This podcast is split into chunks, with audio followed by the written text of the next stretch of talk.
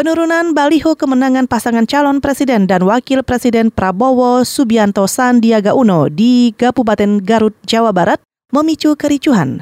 Kejadiannya berlangsung kemarin ketika panitia pengawas kecamatan Tarogong Kidul bersama aparat Satpol PP hendak menurunkan baliho yang memuat hasil penghitungan suara pemilu presiden untuk wilayah Kabupaten Garut. Kericuhan antara sejumlah orang pendukung kubu pasangan calon 02 dengan anggota Panwascam bersama Satpol PP itu berhasil dilerai aparat kepolisian Polres Garut. Ketua Panitia Pengawas Kecamatan atau Panwascam Tarogong Kidul, Gary Muzayin menyatakan penurunan baliho kemenangan pasangan nomor urut 02 itu untuk menjaga suasana kondusif pasca pemilu sebelum adanya pengumuman resmi dari KPU. Hal-hal seperti ini yang bersifat mendeklar atau mengklaim kemenangan-kemenangan sekalipun memang berdasarkan hasil rekapitulasi pleno di daerah masing-masing ini akan menimbulkan reaksi balik dari mana pun dari pihak-pihak lain misalnya yang merasa bahwa sebenarnya kemenangan ukuran pilpres ini adalah nasional bukan hanya Kabupaten Garut nah hal itu. Nah kita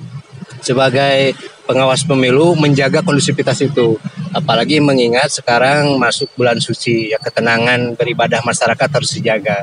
Ketua Panwascam Tarogong Kidul Gary Muzayin juga berdalih penurunan baliho milik kubu 02 itu sudah sesuai dengan amanat dari Badan Pengawas Pemilu atau Bawaslu setempat.